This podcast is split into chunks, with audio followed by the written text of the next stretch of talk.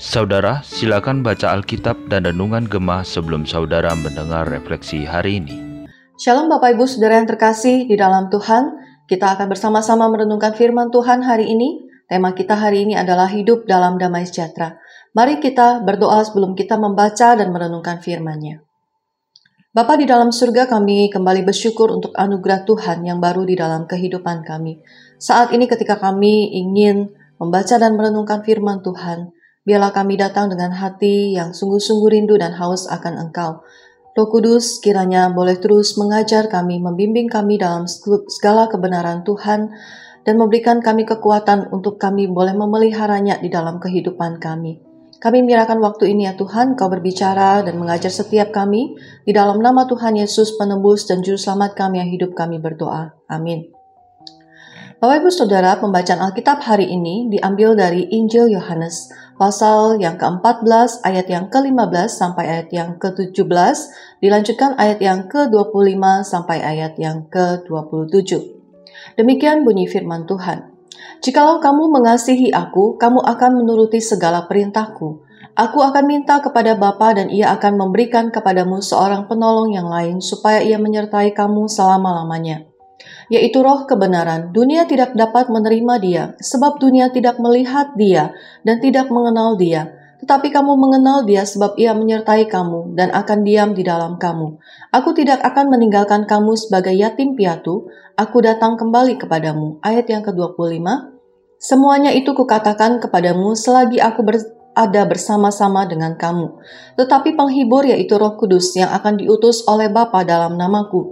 Dialah yang akan mengajarkan segala sesuatu kepadamu dan akan mengingatkan kamu akan semua yang telah kukatakan kepadamu. Damai sejahtera ku tinggalkan bagimu, damai sejahtera ku kuberikan kepadamu. Dan apa yang kuberikan tidak seperti yang diberikan oleh dunia kepadamu. Janganlah gelisah dan gentar hatimu. Amin.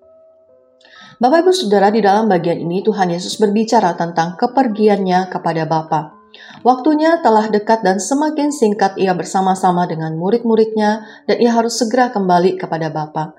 Oleh karena itu Tuhan Yesus berbicara tentang kelanjutan relasinya dengan murid-muridnya, yaitu melalui seorang penolong atau parakletos yang akan diutus Bapa, yaitu Roh Kudus. Pada waktu pelayanannya di dunia, Yesuslah yang secara langsung menjaga, membimbing, dan mengajar para muridnya. Akan tetapi ketika ia tidak lagi bersama-sama dengan mereka, maka roh kuduslah yang akan mendampingi para murid, menggantikan keberadaan jasmani Tuhan Yesus. Di ayat yang ke-26 dikatakan bahwa tugas khusus dari penolong atau para kletos yang diutus Bapa adalah untuk mengajar dan mengingatkan murid-murid tentang segala sesuatu yang telah Yesus katakan kepada mereka. Roh Kudus akan menolong murid-murid untuk mengerti segala ajaran dan pribadi Yesus Kristus. Di dalam bagian ini ada beberapa hal yang bisa kita kenal tentang Roh Kudus. Yang pertama, Roh Kudus adalah roh kebenaran. Ini berarti bahwa Roh Kudus hanya menyampaikan kebenaran. Roh Kudus tidak bisa berdusta dan perkataan Roh Kudus adalah kebenaran dan akan selalu konsisten dengan kebenaran firman Tuhan. Dunia tidak dapat menerima dia karena dunia memberontak melawan Allah. Mereka tidak menginginkan kebenaran dan lebih suka di dalam kegelapan. Tetapi Tuhan Yesus berkata kepada murid-muridnya di ayat yang ke-17b, Tetapi kamu mengenal dia, sebab ia menyertai kamu dan akan diam di dalam kamu. Bapak Ibu Saudari, di dalam Kristus kita mengenal roh kudus. Roh Kudus bukanlah sebuah kekuatan atau energi, tetapi dia adalah seorang pribadi yang dapat kita kenal. Dia adalah pribadi yang bekerja, menolong, dan mendampingi kita, dan berjalan bersama-sama dengan kita. Kita bersyukur bahwa di dalam Kristus kita menerima Roh Kudus. Roh Kudus yang adalah roh kebenaran akan menolong kita setiap orang yang percaya untuk mengerti firman Tuhan dan seluruh pengajaran Tuhan Yesus. Roh Kudus akan membimbing kita di dalam seluruh kebenaran karena Roh Kudus berkomitmen untuk pertumbuhan kita di dalam keserupaan dengan Kristus. Bapak Ibu, apakah kita pernah mengalami bahwa ketika kita membaca dan mendengarkan firman Tuhan, sering kali kita kurang memahami artinya. Oleh karena itu, di dalam kondisi seperti ini, kita selalu dapat berdoa, memohon agar Roh Kudus menolong kita, memberikan hikmat dan pencerahan kepada setiap kita, supaya kita dapat mengerti kebenaran firman Tuhan dalam hidup kita. Hal yang kedua yang dapat kita pelajari tentang Roh Kudus adalah Roh Kudus merupakan roh penghibur. Roh Kudus menghibur kita melalui kehadiran damai sejahtera Allah yang Ia berikan kepada setiap kita. Di dalam konteks bagian ini, Tuhan Yesus sangat memahami kesedihan murid-muridnya yang sebentar lagi akan berpisah dengan dirinya. Oleh karena itu, Tuhan Yesus menghibur mereka dengan kata-kata perpisahan mengenai damai sejahtera. Kata shalom di dalam bahasa Ibrani atau eirene di dalam bahasa Yunani merupakan ucapan salam yang biasa diucapkan oleh orang-orang Yahudi ketika mereka berjumpa atau hendak berpisah satu dengan yang lain.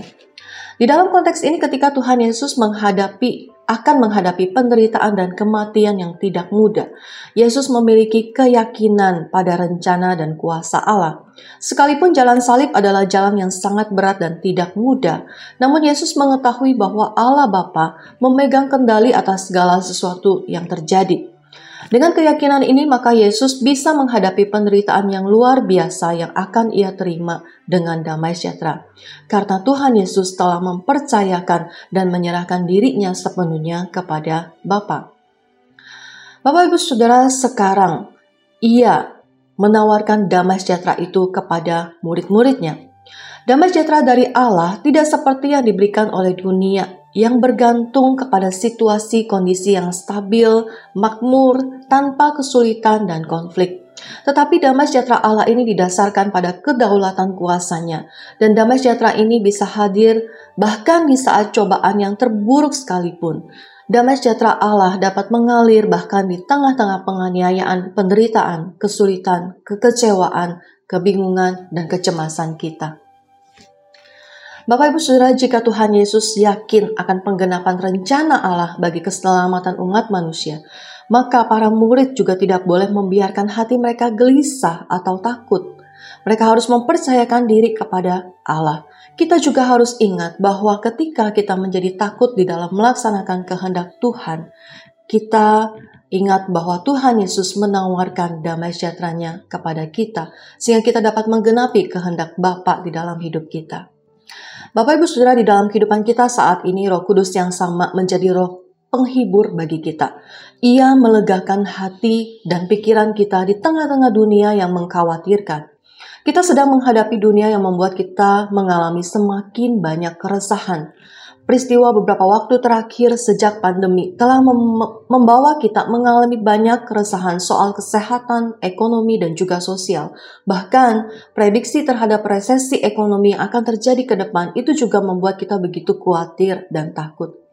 Tetapi mari kita bersama-sama mengingat bahwa di tengah-tengah segala keresahan karena situasi hidup di dunia yang terus berubah dan tidak pasti ini, ada janji yang dibuat oleh Tuhan Yesus kepada murid-muridnya, kepada setiap kita, dan inilah yang sangat kita butuhkan saat ini.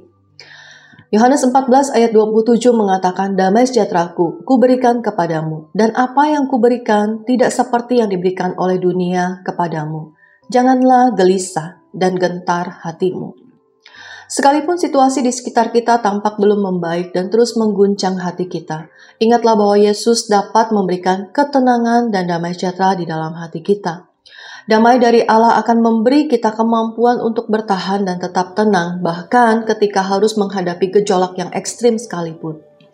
Bapak Ibu, kedamaian ini tidak menghilangkan konflik atau masalah, tetapi damai dari Allah memberikan pada kita kemampuan untuk bertahan melewatinya. Percayalah Bapak Ibu Saudara bahwa Allah tidak pernah meninggalkan kita. Ia ada bersama-sama dengan kita, memberi kita damai sejahtera dan menolong kita untuk mengatasi segala ketakutan dan kekhawatiran kita. Bagaimana kita bisa menerima kedamaian dari Tuhan Yesus? Paulus ketika menulis suratnya kepada jemaat di Filipi, dia memberikan nasihat untuk bagaimana memperoleh kedamaian abadi yang telah disediakan Tuhan bagi kita. Filipi pasal 4 ayat 6 dan 7. Janganlah hendaknya kamu khawatir tentang apa pun juga, tetapi nyatakanlah dalam segala hal keinginanmu kepada Allah dalam doa dan permohonan dengan ucapan syukur. Damai sejahtera Allah yang melampaui segala akal akan memelihara hati dan pikiranmu dalam Kristus Yesus.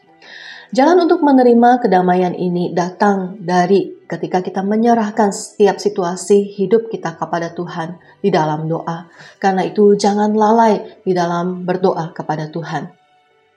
Damai sejahtera Allah adalah anugerah yang begitu indah yang Yesus tinggalkan bagi setiap kita.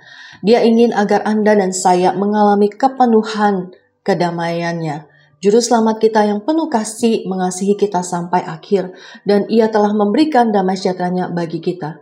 Dan dia benar-benar ingin agar Anda dan saya memilikinya. Kiranya damai sejahtera Allah di dalam Kristus terus memelihara hati dan memenuhi pikiran kita.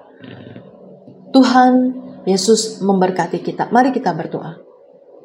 Kami bersyukur Tuhan untuk firman yang begitu indah dan janji yang begitu indah yang Engkau berikan kepada kami. Kiranya Engkau boleh terus menjaga hati dan pikiran kami di dalam kebenaran dan di dalam damai sejahtera-Mu. Terima kasih ya Tuhan. Di dalam nama Tuhan Yesus, penebus dan juru kami yang penuh kasih, kami berdoa. Amin. Tuhan Yesus memberkati Bapak Ibu Saudara. Shalom.